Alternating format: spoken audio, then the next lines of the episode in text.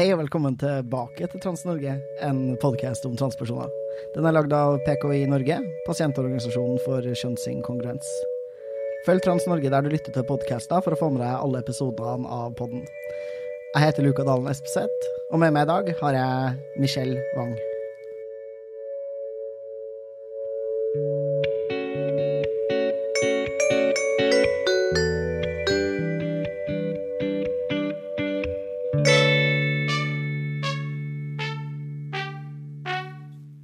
Livet?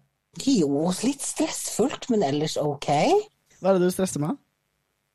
Nei, altså siden sist jeg snakka med deg, så har jeg jo da plutselig gått over i sånn 100% jobb, og eh, midt oppi ei flytting, og ja, så livet er liksom sånn at ikke sitt i ro, men ta den helt ut, og spring, spring, spring. Herregud, det høres jo helt nydelig ut, tenker jeg. ja. Har du hørt på podkasten min? Ja, jeg tror ikke vet om jeg har fått med meg de helt siste episodene, men jeg satt faktisk og, og begynte på episode én og jobba meg gjennom alt, tror jeg. Og, og gjorde meg jo noen sånne litt merkelige tanker at ja, ok, det her begynner jo å bli forrige millennium at jeg tok uh, operasjon, og jeg tenker bare sånn, det har jo absolutt ikke blitt noe særlig bedre. Det er jo omtrent blitt verre.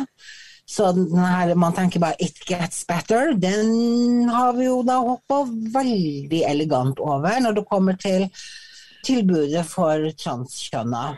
Ja, jeg er helt enig, og det er litt av det jeg har lyst til å vise frem. Både liksom hvor ille det var før, men også virkelig bare få folk til å forstå at det er like forferdelig fortsatt. Kanskje ikke fullt så forferdelig, for så vidt. Kan ikke du starte med liksom, til alle lytterne våre som ikke vet hvem du er? Bare si kort hvem du er i transverden. Ja, mitt navn er Conny Wang. Jeg tok kjønnsbekreftende operasjon i 1994. Det vil altså si forrige årtusen. Og så har jeg vel bruka pronomen hun. Og har vel jobba litt med skeive rettigheter gjennom LLH. Og har vel sett nå at det blir jo stadig mer utfordringer når det kommer til liksom sånn behandling av transkjønna. Og det frustrerer meg faktisk lite grann. Jeg må innrømme det.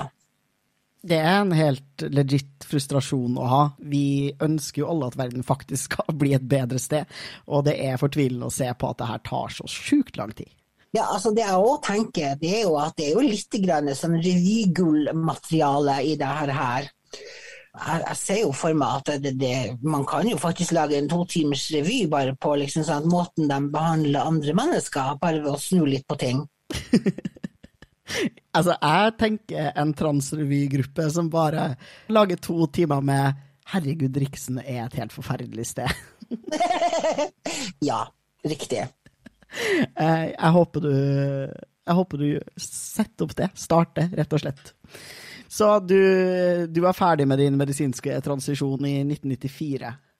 Ja. Ja, og det er faktisk en betydelig andel år siden. Kan ikke du fortelle litt om årene før det? Hvordan kom du inn i transmiljøet, hvordan kom du deg til Riksen? Hvor starta det her hen?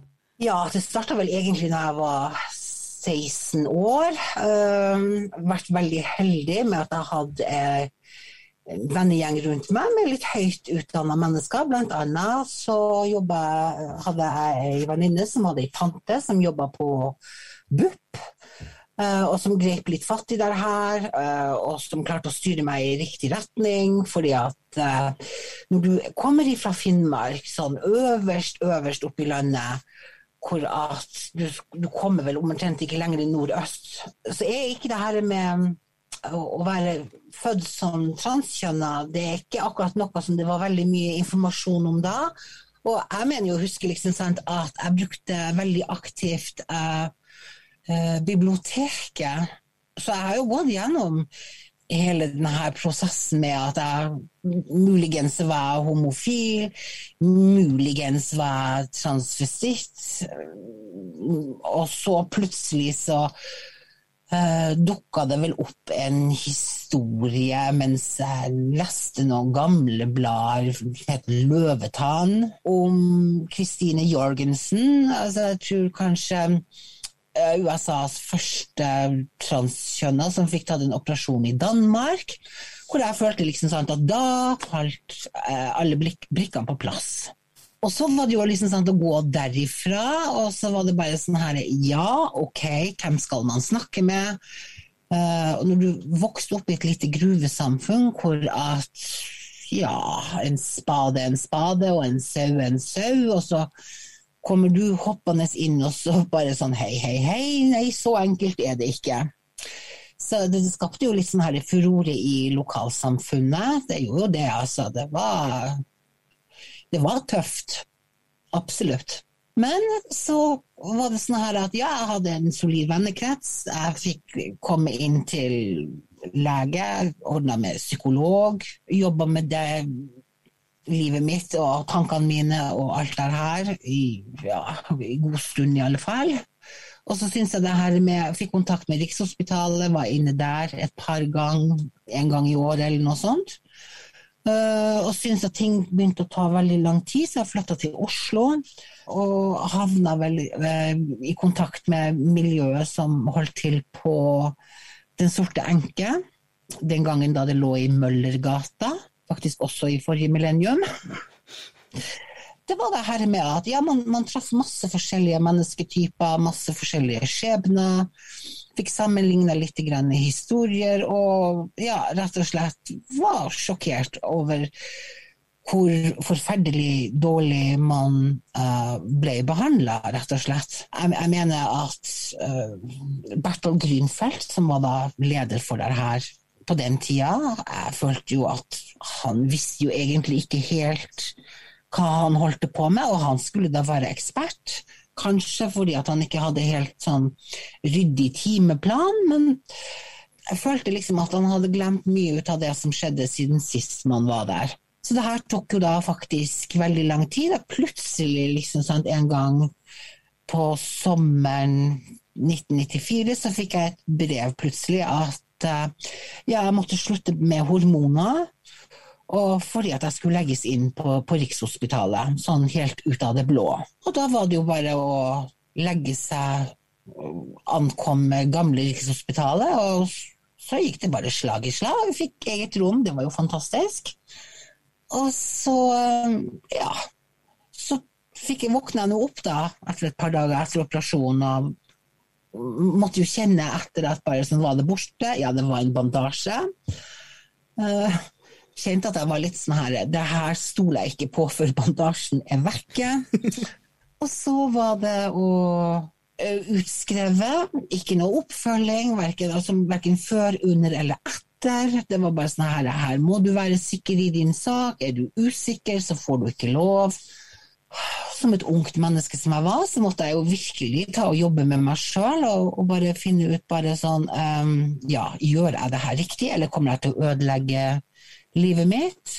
Og det syns jeg egentlig var litt tøft, men altså, sant, når du, du, snakker med andre som har vært gjennom samme situasjon, og du hører deres, eh, hva de har vært igjennom, så jeg må jo si egentlig at jeg, jeg har kanskje på en måte bare sklidd elegant igjennom hele systemet.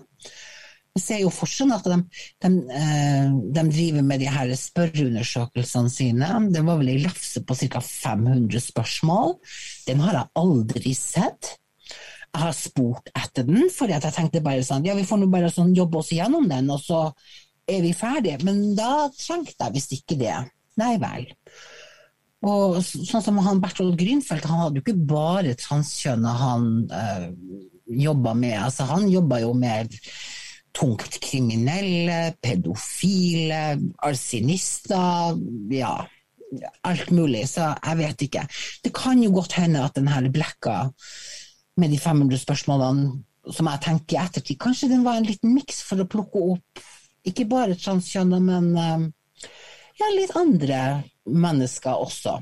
Ja, det tror jeg jo har vært intensjonen deres med alle de spørsmålene, at de tror de skal klare å luke ut folk som ikke egentlig er trans. Man blir jo stilt veldig mange spørsmål om man liker å liksom torturere dyr og eh, ligge med barn og sånt.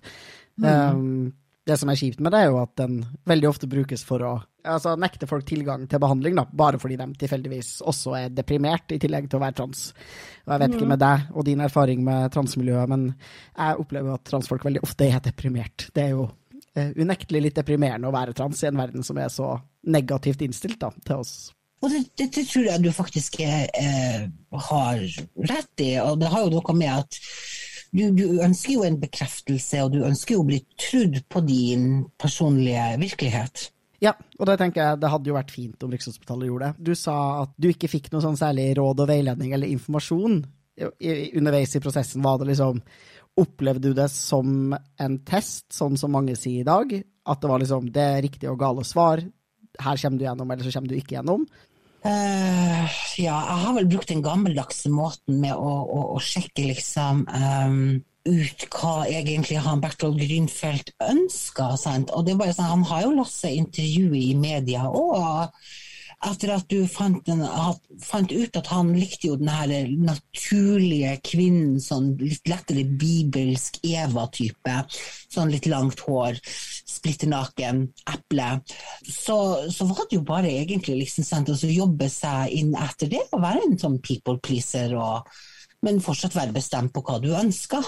Så eh, jeg syns det er veldig vanskelig, altså, altså, det her med å, å, å utsette uh, unge mennesker for sånt. Altså, det er bare sånn her Du får ikke noe informasjon. Uh, du, jeg fikk vel egentlig beskjed at jeg måtte bare glemme å fortelle hvem jeg var etter operasjonen, fordi at det ville ja, ødelegge livet mitt, eller ikke Det var bare sånn her Eh, det ville forverre livskvaliteten min. Det vil jeg jo si at det har den ikke gjort. Eh, jeg syns det, det, er greit liksom, sant, at man, man, deler informasjon, at man viser at man er til stede og eh, ja, er, er litt synlig, rett og slett. Det var vel altså sånn tilbake i 1994, så var jeg veldig mye i media, fordi at jeg tenker det handler om å, å gi et bilde ut av denne gruppa mennesker. Og også det her med at du skal prøve liksom, sant, å normalisere eh, det presset som vi ligger under. fordi at før jeg begynte å angripe media med å, å, å, å være, så, så, var det veldig problematikken om hvilket toalett man skulle velge. Og jeg kom da opp med konseptet at eh, jeg valgte alltid det toalettet som var ledig det var litt det her med at man måtte tenke nytt på gammel problematikk. Mm. Du sa at du fant et miljø i Oslo. Var det mye folk som også var på Rikshospitalet? Og snakka dere om ja, typ hvordan man skulle komme seg gjennom den eh, kverna Rikshospitalet er? Var det sånn at man delte informasjon om hva som var lurt å si? Og som du sier, Bertolf Grünfeldt var tydeligvis en fyr som likte at kvinner presentert på en gitt måte. Var det litt sånn allmenn informasjon i miljøet? Ja, ja, ja. Det her var noe vi snakka om. Altså, fordi at um, Mitt mål med det her, det var vel at jeg skulle hjelpes. Jeg skulle ikke kureres. Jeg skulle bare ha hjelp til å leve det livet jeg ønska. Og gud vet hvor jeg, jeg, fant opp det konseptet der, men altså, det har nå i hvert fall funka for meg. Og jeg tenker ja, kanskje det er litt på tide med en liten revisjon kanskje se litt sånn utover til andre land som det er normalt å sammenligne seg med. Uh, og her føler jeg da at Norge ligger litt i bakevja uh, fortsatt. Og det er jo ikke bare Rikshospitalet, sant? men det går jo liksom sånn, også litt på Nav, som jeg også føler liksom sånn, henger litt etter. Det er jo masse lover og regler som man føler at man bare sånn, snubler sånn midt mellom et par rullestoler her. og krasjer i en liten gåstol der, og ja. Så det, det, er mye rart. Ja, det er generelt et system som er veldig dårlig tilpassa at vi fins. Eh, mm. er sånn som jeg opplever det. Det er liksom, og Uavhengig av om du er flink og snill trans og liksom gjør all, all kirurgi og ender juridisk skjønn og gjør alt riktig og bare blender inn, til og med da så er liksom systemet veldig dårlig rigga. da. Du vil møte på problemer med lover og regler og diskriminering og Ja, Nå kan du bare ta det her med fjerning av, av skjeggvekst. Jeg fikk jo ikke lov til å begynne med det før operasjonen, da, for da jeg jo, var jeg jo en biologisk mann. Og, så, og, da var det helt normalt at man skulle ha skjegg. Og rett etter operasjonen så var det bare sånn her Jeg tror det bare kokte borti kålen. Altså det er sånn her uh, Jeg bare ga opp, altså. Fordi at det er veldig få mennesker som sitter på med kompetanse for uh, å, å, å, hjelpe uh, inn i det her systemet. Det sånn her, uh, med mindre ikke du liksom sånn, bor inne på legekontoret og er sykemeldt hele tida, så får du nesten ikke hjelp. Man fikk altså ikke tilgang på hårfjerning før man var juridisk kvinne, da. Mm. Og det ble man ikke før man hadde gjennomgått kirurgi, ikke sant. Nemlig.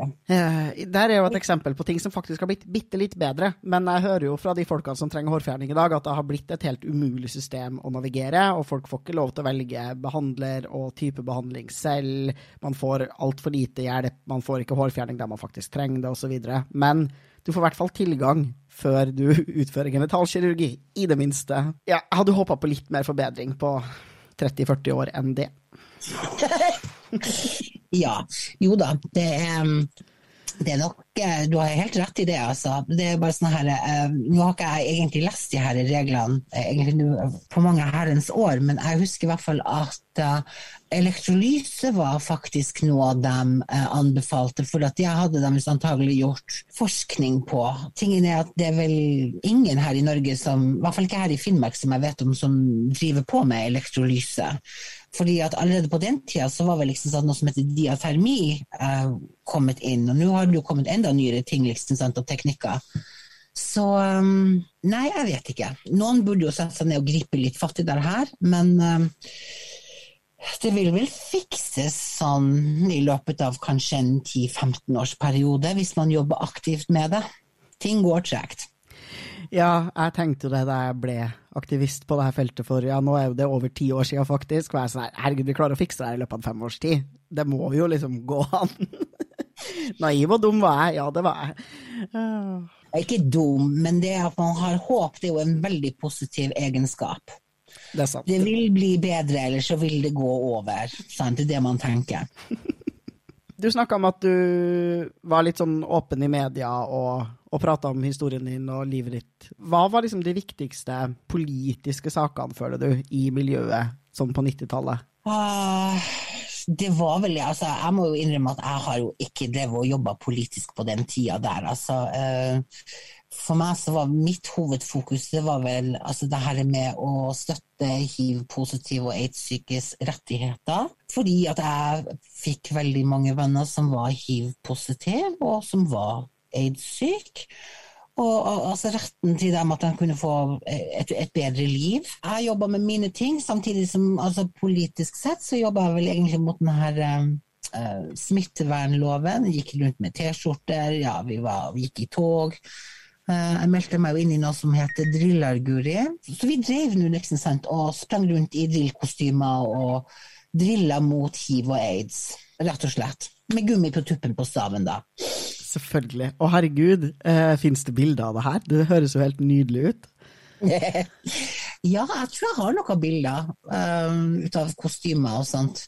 Ja, så du jobba en del med, med hiv og aids.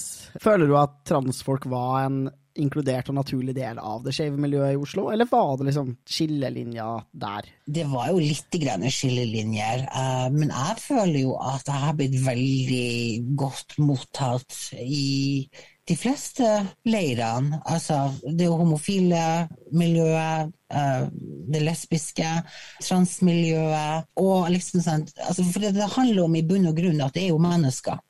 Og mennesker har jo masse forskjellige skjebner. Og så er det bare å finne det her med at eh, hva er det vi har til felles? Og hva tenker du at vi har til felles? Nei, skal vi begynne sånn helt basic, så er det jo det her med at uh, vi må i hvert fall ha oksygen for å overleve, eller i hvert fall luft.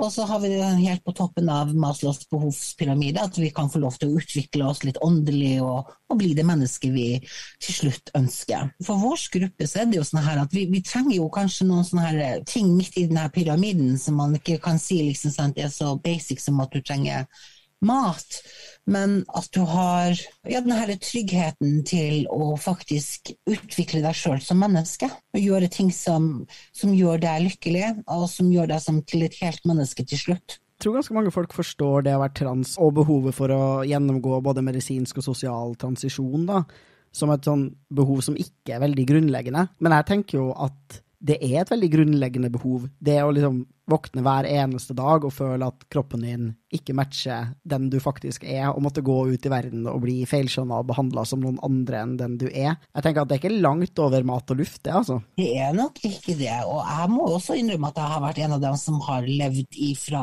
halsen og opp fordi at jeg følte at resten var en del som ikke tilhørte meg i det hele tatt. Fordi at det var så feil. Men det tror jeg var faktisk noe jeg holdt tilbake egentlig fra de her på Rikshospitalet, fordi at eh, jeg var ikke sikker på om de vil kanskje skjønne en sånn forklaring. Nei, så hvilken forklaring var det du ga dem, da?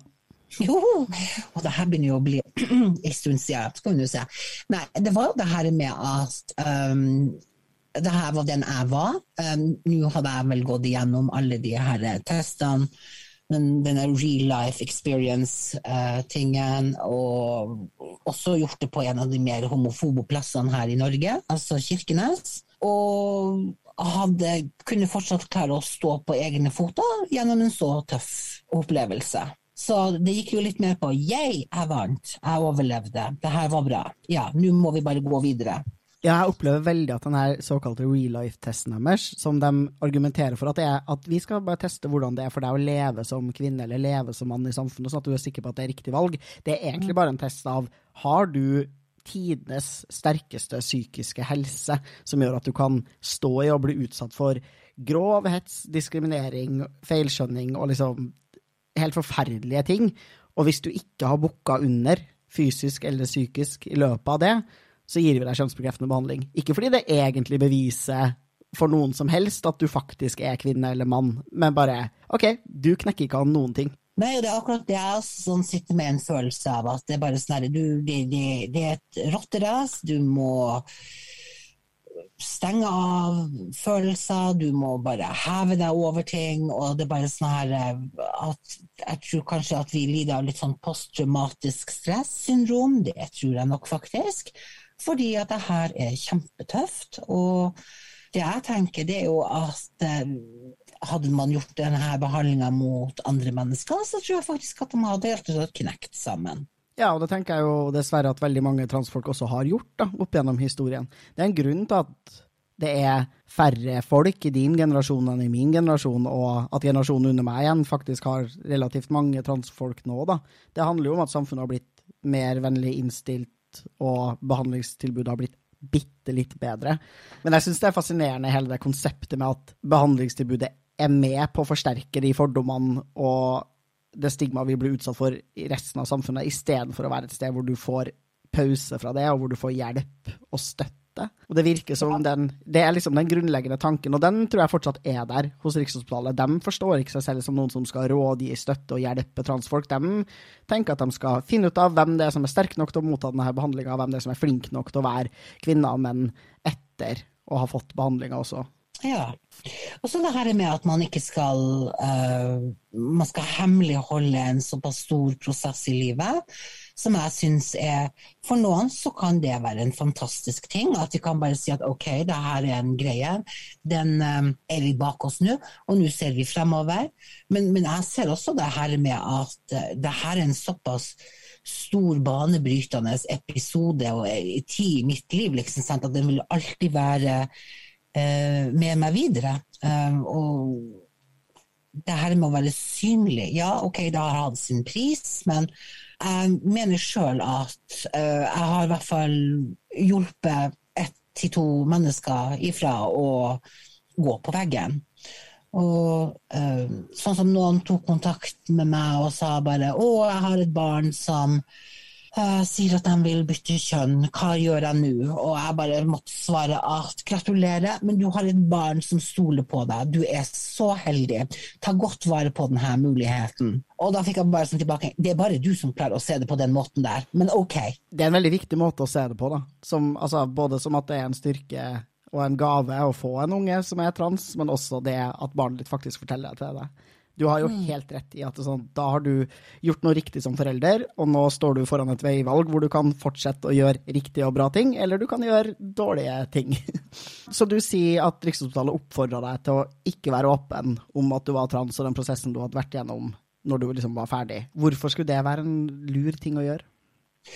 Nei, jeg regner vel med at uh, bakgrunnen var det for at jeg skulle bare forsvinne inn som en i mengden.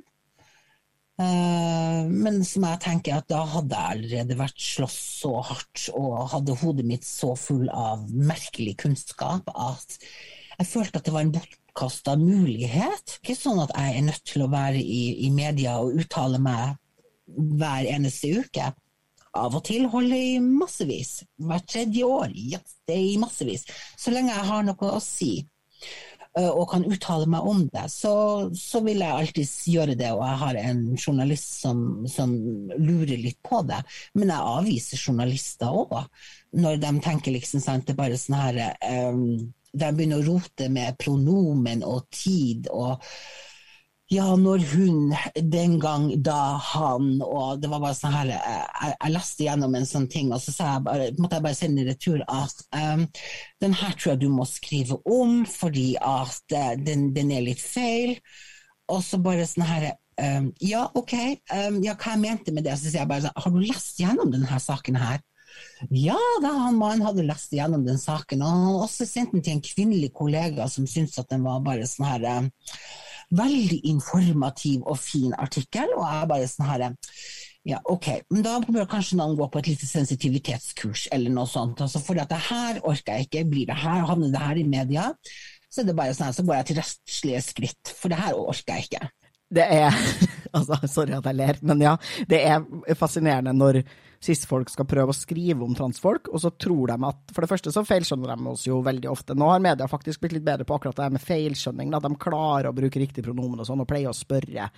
Og er nok mer åpen for innspill på teksten. Og hvis man liksom sier sånn Du er faktisk ikke komfortabel med måten du forklarer hvem jeg er på. Det, det, det er krenkende og feilaktig. Men når jeg, prøver, når jeg leser sånne litt eldre medietekster, så blir jeg også sånn genuint forvirra ofte over hva de har ment. Fordi de sier liksom sånn eh, Se på han, nå er hun kvinne. Han var en flott mann og har transisjonert. Eh, lesbiske, homo, hetero, mannekvinne, sånne ting. Og så er jeg sånn der jeg, jeg sitter her og er sånn jeg forstår faktisk ikke om du snakker om en transdame eller en transmann, om de er homo, hetero altså sånn, For du har brukt så mange forskjellige skjønna titler og pronomen i løpet av teksten at jeg bare sitter igjen med et sånn kaos i hodet.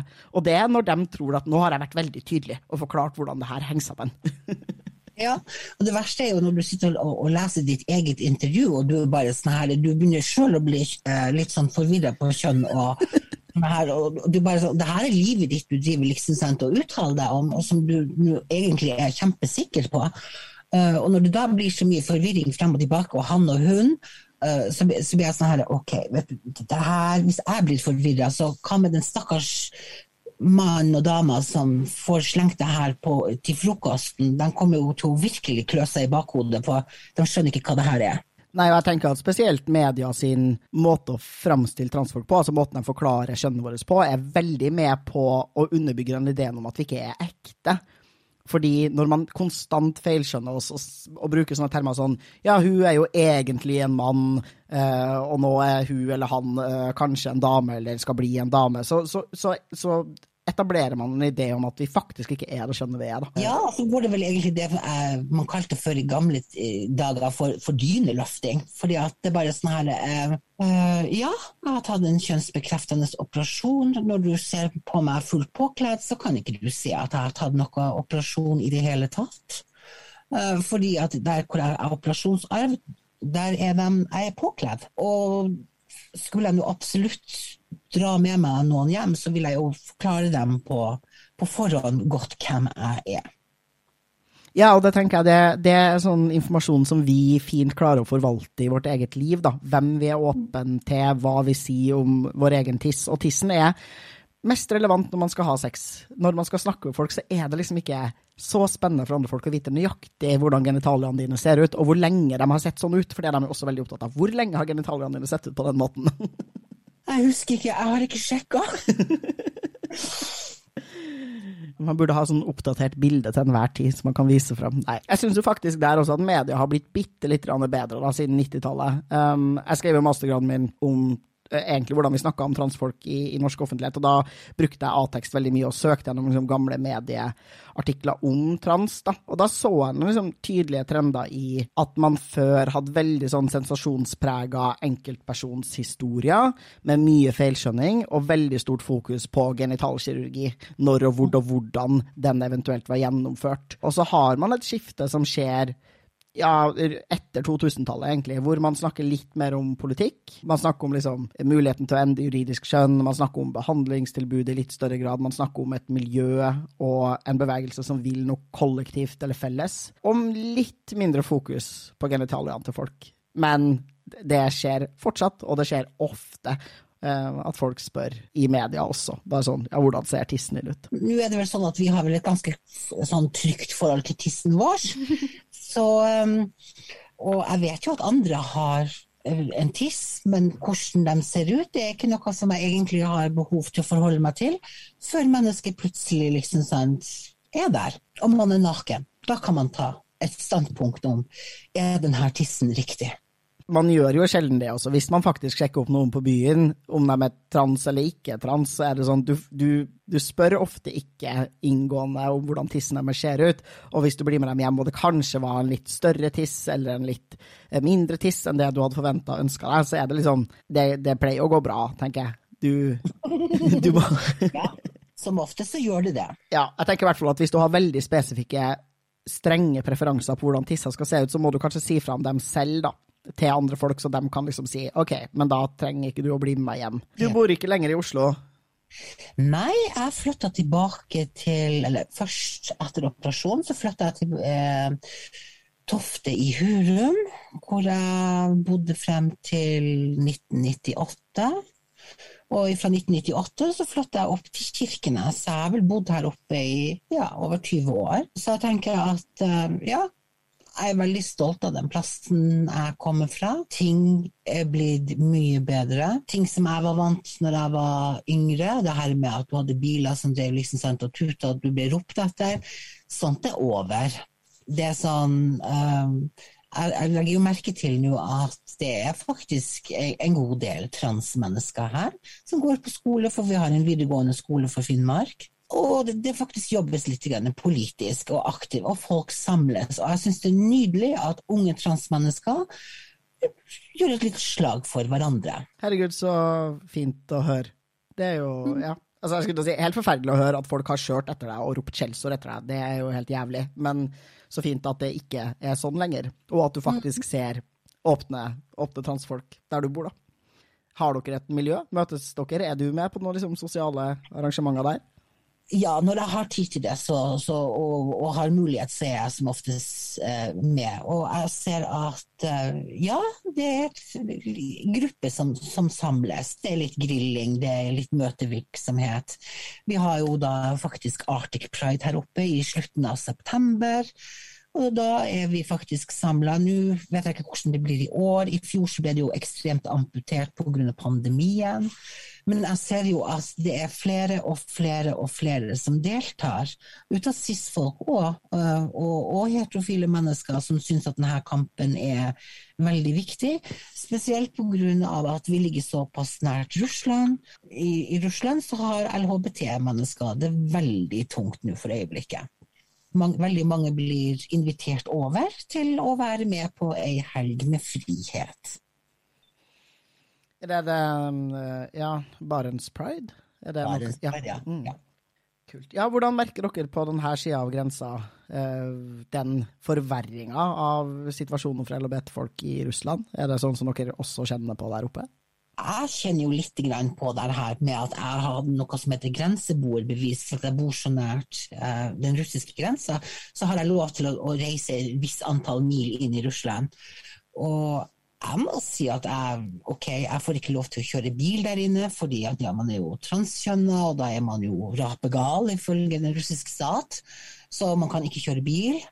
Eh, og så er det jo ikke lov til liksom, sant, å, å gå med eh, regnbuemerker og flagg, for at det blir jo sett på som propaganda som gjør liksom at, at, små barn kommer til å vokse opp som homofile og lesbiske og ødelegge den russiske staten og den russisk-ortodokse kirka og masse andre ting. Så det er jo litt sånn her eh, Sikkert sånn som det var her i Norge òg, liksom, at vi har noen mørke menn som driver og passer på å overvåke og ja, så du ikke gjør noe galt. Mm. Ja, og til bare oppklaring til lytterne våre, hvis dere ikke visste om denne loven i Russland. Men det er altså da sånn at eh, Russland har en lang rekke med psykiatriske diagnoser som gjør at du mister førerkortet ditt, og trans, det å være trans er en av dem. da. Så transseksualismediagnosen gjør at du faktisk ikke får lov til å kjøre bil. Mm. Og jeg har jo venner som blir hypermaskuline når de eh, kommer over til, til, Russland fordi at man ja, ikke har lyst til å bli utsatt for vold. Fordi at jeg føler at i enkelte områder så er det veldig lett å bare bli slått ned fordi at du er homofil. Eller de antar at du er homofil. Ja, for det er jo ofte, med mindre du faktisk står og kysser en annen mann på gata og er en mann sjæl, så er jo det en antakelse om at folk er homofile. Og den baserer man jo gjerne på ja, stereotype ideer om femininitet og maskulinitet. Ja. Tenker også at Hvis jeg hadde vært i Russland, så hadde jeg ikke jeg hadde passa meg for knekk i håndleddet, for å si det sånn. Det, mm -hmm. ja. Jeg mellomlanda faktisk i Russland for et par eh, år siden, og jeg har jo et pass som det står at jeg er kvinne i. Jeg tok det med knusende ro, men det var jo en mellomlanding, da, så jeg så for meg at jeg liksom skulle sitte langt inne for dem og arrestere meg eller holde meg igjen bare på grunn av det. Men um, det, det, var kanskje en farligere situasjon enn jeg anerkjente, jeg vet ikke. Ja, jeg har vel også vært og reist på ferie med et sånn nødpass hvor at uh, jeg hadde et mannlig personnummer, og så hadde jeg F i passet. Og jeg tenkte bare sånn her, ja, det her kan jo bli spennende. Men altså, ferien gikk fint, den. Den gjorde det. Men jeg tenkte bare, hvis noen hadde begynt å sjekke litt nærmere, og man hadde litt dypere inngåelse, og forståelse av ja, personnummer i Norge, så hadde jeg nok sikkert vært avslørt med en gang.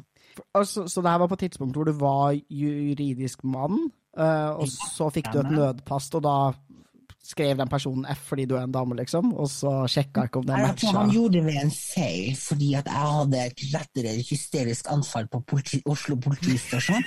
Så jeg drev liksom sånn og tafsa litt på blusen min og knappa opp knappa og ned igjen og bare var sikkert superblond og sånt. Så han Jeg tror han tok, antok det at det her var et eller annet hysterisk kvinnemenneske som ikke skjønte noen ting. Så jeg fikk en F, og han tenkte ikke over personnummeret. Det er jo helt uh, nydelig for deg. Altså flott å få et pass som faktisk stemmer, og også veldig artig at det uh, går an i det her utrolig strenge systemet hvor man har vært sånn vi kan ikke la dem endre før de faktisk har blitt kastrert. Og så blir jeg sånn, ja, eller så kan du bare skrive en annen bokstav, da, for så enkelt var det å fikse. Ja. Um, jeg, jeg, tenker bare sånn her, jeg, jeg, tror vi er utsatt for et, et sikkerhetssirkus, rett og slett det er, sånn, um, det, er akkurat sånn, sånn her med at du kan ikke ha noe flytende gjennom sikkerhetskontrollen fordi at uh, Melkeflasker kan eksplodere. Sant? Det er bare sånn her OK, så kommer noen joggende inn rett fra utsida med en bazooka og fyrer av. Uh, det er ingen som stopper den. Så, så, jeg føler liksom sant, at veldig mye er liksom sant, bare for å, å, å, gi en falsk trygghet, rett og slett. For at å, vi har så kontroll. Men det har vi ikke. Nei. Det er en deilig konklusjon på dagen, egentlig. Bare vi har ikke kontroll. Det er fullstendig kaos. Ja. Og jeg ser jo også det her med at det er jo sikkert ingen som har kontroll med hva de gjør på Rikshospitalet òg, for jeg tror liksom sant, at alle de klagene som de mottar, dem skal de jo sjøl behandle. For de er jo da eksperter på liksom sant, å trampe i salaten overfor andre mennesker. Mm. Har du henta ut journalen din noen gang fra Rikshospitalet og lest den? Jeg har vel lest i, gjennom den en gang mens jeg lå inne på Rikshospitalet. Og da var den jo ikke reinskrevet, eller hva det heter, sånn vaska.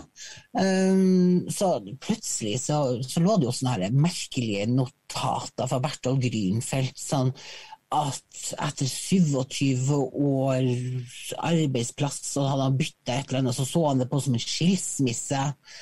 å, flytte kontor eller arbeidsplass eller hva det var han hadde gjort for noe. Jeg bare sånn her, og, og det var sånne ting som bare hadde havna uh, fra skrivetjenesten rett inn i min journal. For han har bare sånn mm, sikkert diktert noe, og så har han bare fått en tanke i hodet, og så har han sagt noe sånt. og så har det bare blitt mosa inn i, i, min journal. Så det er sånn her eh, Det, det som jeg sier, altså, det er veldig lite kontroll.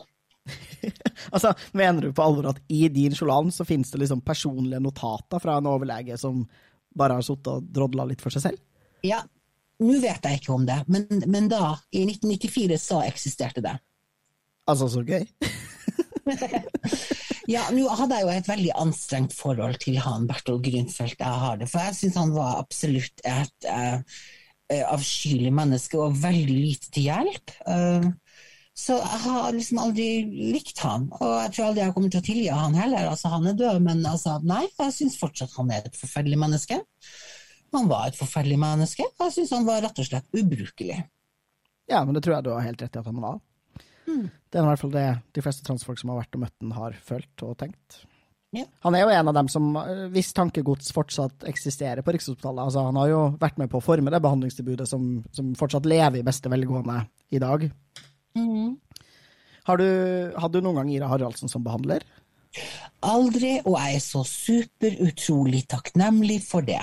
For da har vi òg et menneske som jeg har hørt noen uttalelser ifra, og mennesker som har møtt henne, hvor jeg har bare vært hoderystende eh, sjokkert. Fordi at uh, jeg tenker hvis du får betalt for den jobben, så bør du kanskje være litt ydmyk. Du trenger ikke å trakassere andre mennesker bare for, uh, som kommer for å få hjelp. Altså, så lenge du har uh, betalt for den jobben, så tenker jeg at da bør man kanskje kreve litt sånn Prøve å oppføre det. Det har alltid fascinert meg med dem som jobber på Rikshospitalet, at jeg oppriktig lurer på hva som motiverer dem. Fordi de kunne ha jobba andre steder. Dette er jo mennesker med høy utdanning innenfor helsefag som definitivt kunne ha jobba andre steder. Og da lurer jeg på hvorfor jobber de på Rikshospitalet, når det tilsynelatende virker som om de ikke liker oss, og ikke syns vi er hyggelige folk. Nei, og da tenker jeg jo bare sånn her, Er det her en del av testen, så kunne det vært veldig hyggelig liksom, sant, å få vite det på forhånd. At nå skal du få lov uh, Skal vi gi deg en sånn real life-test? altså Nå skal vi behandle deg som dritt, og så må du se hvordan det føles, og vil du oppleve det her for resten av livet. Kunne det vært en ting? Altså, ja. Vi skal bare prøve å gjøre deg sterk, så du overlever i hverdagen. Det finnes andre måter å gjøre mennesker sterke på enn å bryte dem ned, tenker jeg. Yes, men uh, nå har jeg vel kanskje ikke sagt uh, og uttalt offentlig at Rikshospitalet og GID-klinikken, eller hva de nå egentlig heter, seksjon for et eller annet, at de er så veldig mye sånn her um, fremadtenkende. Så um, de henger vel tilbake liksom sant, fra forrige millennium, andre verdenskrig, utryddelse av jøder. Um, ja, sånne ting ja, de tilhører definitivt en retning av vitenskapen som vi egentlig har forlagt da, innenfor medisinen, hvor man klassifiserer, måler, veier og sier noe om hvem som er verdige mennesker, og hvem som ikke er det, og utsetter folk for ja, eksperimenter, trakassering eh, Bare litt sånn spennende ting som man finner det for godt, da, uten noe særlig hold i forskning eller eh, Ja. Mm. Nei, den gjengen får du bilde av meg hvis du gjør det. ja. Jeg er sånn her bare liksom, kassert. Du får det gratis hvis ja. du kan bruke det til noe. Um, ja. Det trengs en forandring. Uh, Rikshospitalet trenger en revisjon, og det må være en ekstern revisjon. Fordi at jeg syns uh, i 2021 så det må være noe må, De må kunne klare å oppføre seg som normalt tenkende mennesker å være imøtekommende. De, eh, jeg de har tross alt betalt for den jobben de gjør. Så hvis ikke veldig sånn, tungtveiende grunner til at de oppfører seg som noen heslige vesen, så syns jeg akkurat den taktikken bør opphøre. Noen bør kanskje ta dem inn på personalkontoret og bare sånn herre Vi har fått en klage på oppførselen din, og det her syns jeg du må begynne å, å jobbe litt med personlig. Å, det har vært deilig. Jeg skulle ønske jeg var den sjefen som kunne si det til dem som er ansatt på Riksen. Du må skjerpe deg. Ja. Ah, eh, takk. Takk for at du har delt og deltatt, og gitt den kommende generasjonen med transfolk litt innsikt i hvordan transmiljøet og behandlingstilbudet så ut på 90-tallet. Det var Ja, jeg synes det, var, det er jo en ære for meg da, at du tar kontakt og bare har lyst til å høre på hva ei gammel hagge som bor langt inne i skogen på andre sida av Norge, eh, har å si om saken. Så det er, jo en liten ære for meg også, da, å være med på dette her. Eh, og jeg må jo bare si at fortsett denne podkasten. Jeg har hørt gjennom alle episodene, tror jeg.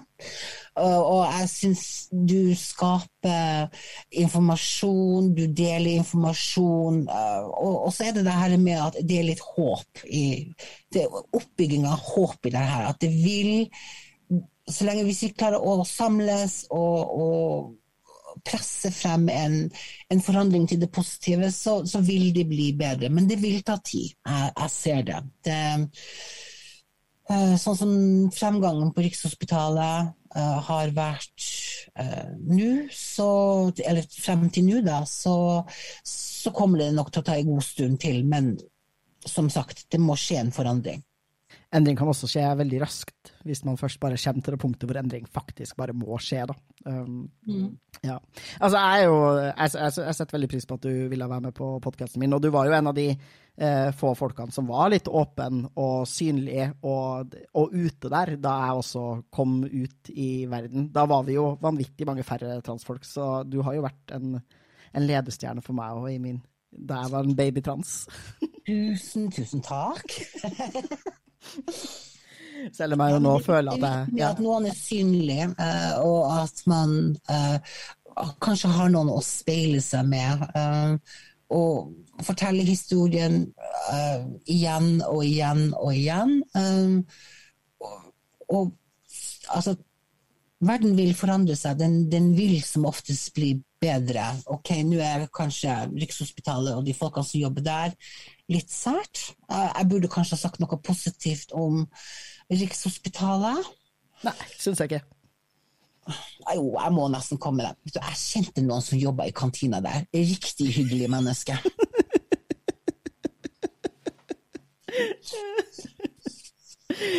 Takk. Ja. Så at ikke alle kommer og bare sier at jeg bare klager på Rikshospitalet, for det gjør jeg ikke. Nei, er både vaktmesteren og kantinepersonalet er hyggelig. Mm.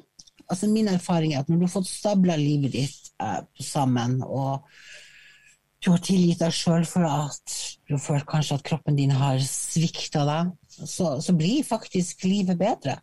Du vil oppdage at du er et fantastisk menneske som har unike talenter, og du kan gjøre absolutt hva du vil.